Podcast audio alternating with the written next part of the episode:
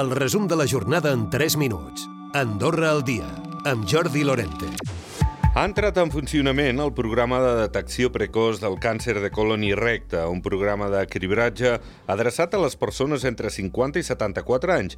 Consistirà en una prova inicial per detectar sang oculta a les femtes i una colonoscòpia, en cas que la primera sigui positiva.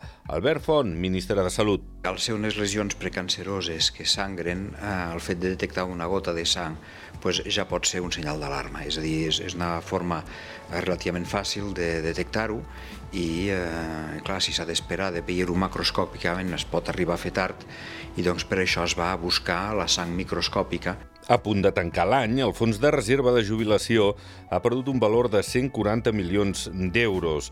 Això sí, gran part de manera latant.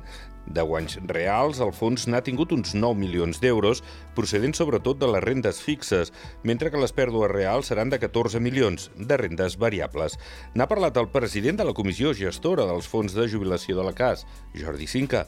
No ha d'estar patint en aquest sentit eh, el ciutadà eh, i ha d'intentar mm, no caure en el parany de eh, analitzar el fons en base al valor d'un moment determinat, d'una data determinada.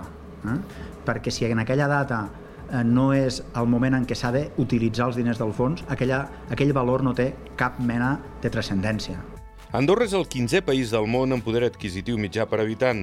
Les dades de l'OCDE situen el PIB per càpita andorrà entre les de les principals economies mundials, per sobre de França, que és 17a, i Espanya, 28a. Luxemburg encapçala el rànquing. I Andorra la Vella preveu construir uns 90 pisos a preu regulat els pròxims dos o tres anys.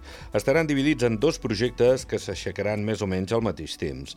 Uns a Ciutat de Valls, dels quals ja se n'havia parlat, i els altres a Santa Santa Coloma, a la zona del Cedre. Per cert, el Comú de la capital ha confirmat un pressupost per a l'any que ve de 50 milions d'euros, també un augment de les taxes del 4,5%.